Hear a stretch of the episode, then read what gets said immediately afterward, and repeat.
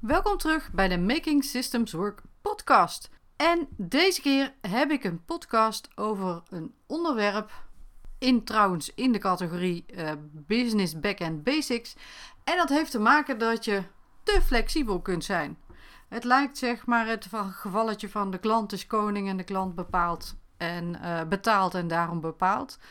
En ik heb dat namelijk opgepikt uit de interviews die ik heb gehouden met succesvolle online ondernemers.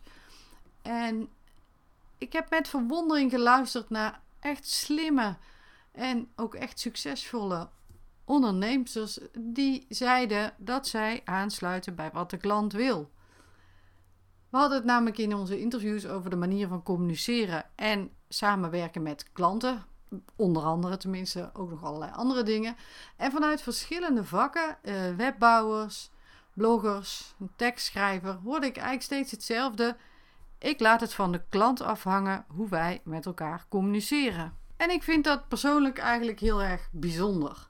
Je wilt je business bouwen en runnen op jouw eigen voorwaarden. Daarom ben je ondernemer geworden. Je wil vrijheid. Je wil zorgen dat niet iedereen jou uh, van, links, van, van links naar rechts of van hot naar her stuurt. Dus dat lijkt me niet meer dan logisch. Hoe kan het dan dat je klant bepaalt hoe je met elkaar samenwerkt? Zeker en vooral als het betekent dat het voor jou echt niet handig is. Kijk, als niks uitmaakt, dan maakt het niks uit. Hoe zit het dan eigenlijk? Hè, als het niet handig is, hoe zit het dan met jouw voorwaarden? Wat is hè, jouw belangen? En onder welke voorwaarden sta je dat dan toch toe? Dat je klant de, uh, in feite de samenwerking stuurt. En wanneer zeg je nou, ik ga mijn klanten gewoon opvoeden? En ik weet het, het klinkt natuurlijk heel erg simpel als ik dat hier zo zeg. Maar um, het is natuurlijk wel slim om je dat af te vragen. En ook om je af te vragen hoe ver je wil gaan. Ga je klanten ontslaan daardoor of daarvoor? Of ga je je proces bijstellen?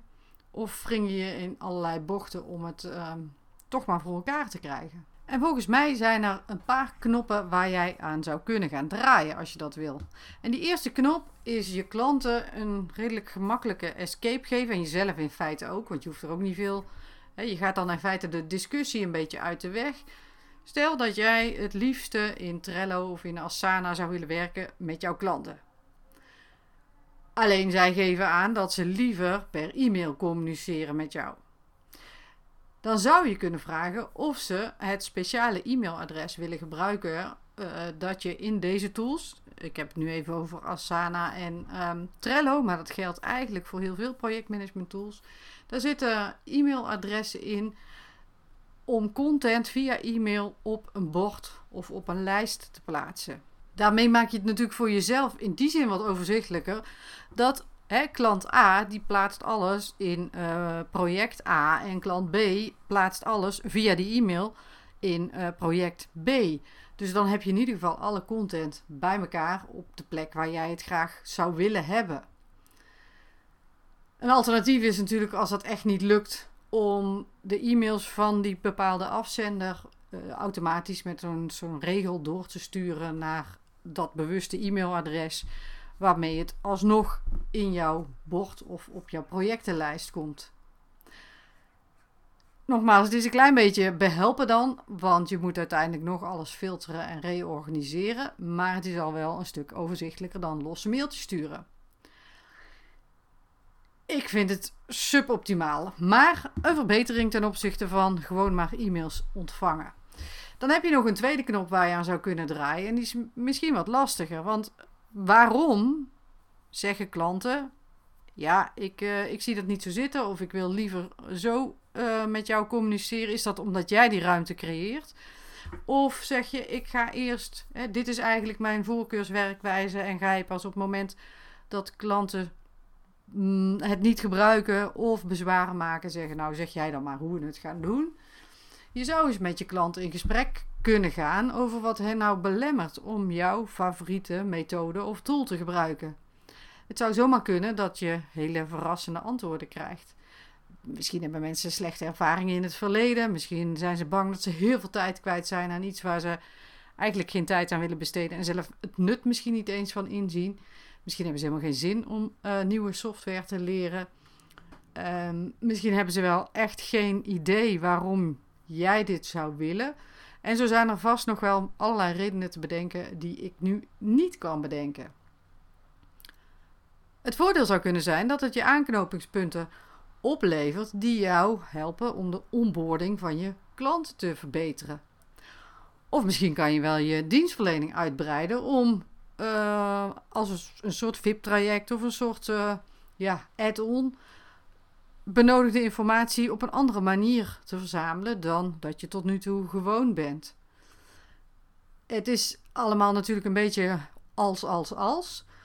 Mm, een beetje giswerk misschien. Maar om nou zomaar mee te gaan in de nee van je klant of uh, ik wil het graag zo en dat dan maar zeggen ja, ik eigenlijk liever niet, maar ik ga wel met je mee. Ik denk dat dat gewoon onverstandig is. Ik denk dat dat business-wise niet de beste optie is om te kiezen. En ik had het al even genoemd, de onboarding, want dat is eigenlijk de derde knop waar je in kan draaien. Sowieso is dat je in de onboarding van klanten gewoon meeneemt dat je hen wijs, wegwijs maakt in de tools of tool van jouw voorkeur, zodat ze gewoon snappen: oh, dit is zoals we dat samen doen.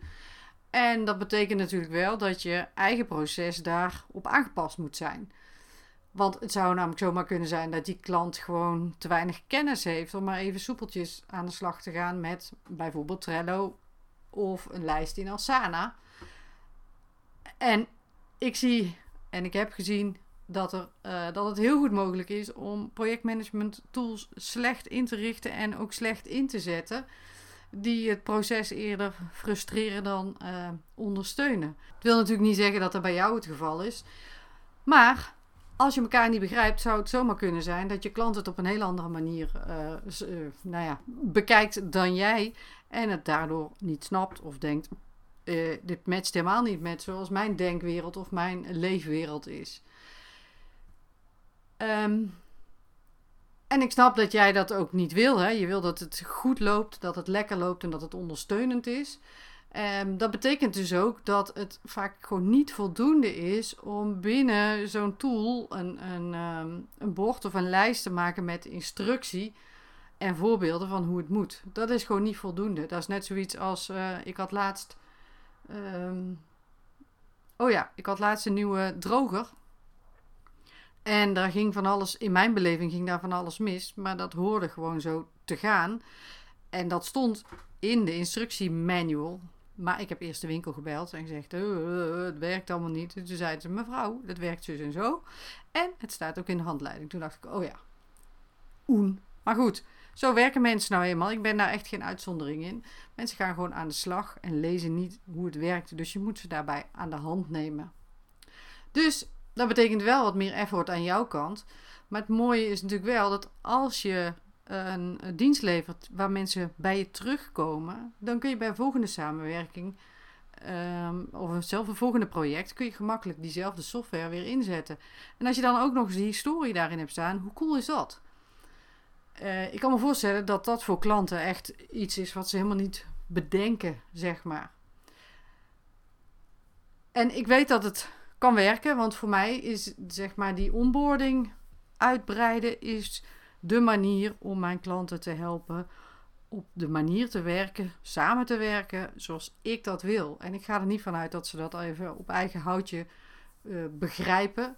En um, ook al zeggen ze, ik snap het wel, dan gaan we daar gewoon samen mee. Eventjes, hè, daar hoef je niet eens heel veel tijd voor, uh, voor te, nemen, maar daar gaan we wel samen doorheen, zodat we zeker weten dat we hetzelfde vertrekpunt hebben. En uh, dan is er eigenlijk nauwelijks weerstand tegen. Dat is wel het grappige natuurlijk. Dus, bottom line is eigenlijk in de, deze podcast de vraag hoe, je snel, hoe snel jij toegeeft aan je klanten die liever per e-mail of telefoon of in ieder geval op een andere manier en methode willen communiceren met jou dan jij. En hoeveel effort jij doet om hen te ondersteunen bij het uh, zo inregelen dat jullie samenwerken op jouw voorwaarden. En dan ga ik er wel vanuit dat jij ervan overtuigd bent dat de manier zoals jij het zou willen doen, dat dat tot de beste resultaten leidt voor jouw klanten.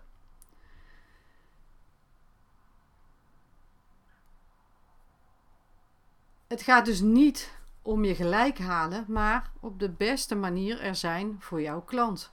Of op de beste manier het resultaat voor jouw klant bereiken. In mijn geval, het geeft mij rust, dus is het ook goed voor mijn klant. Ben heel benieuwd hoe het bij jou is en uh, wat deze aflevering je gebracht heeft.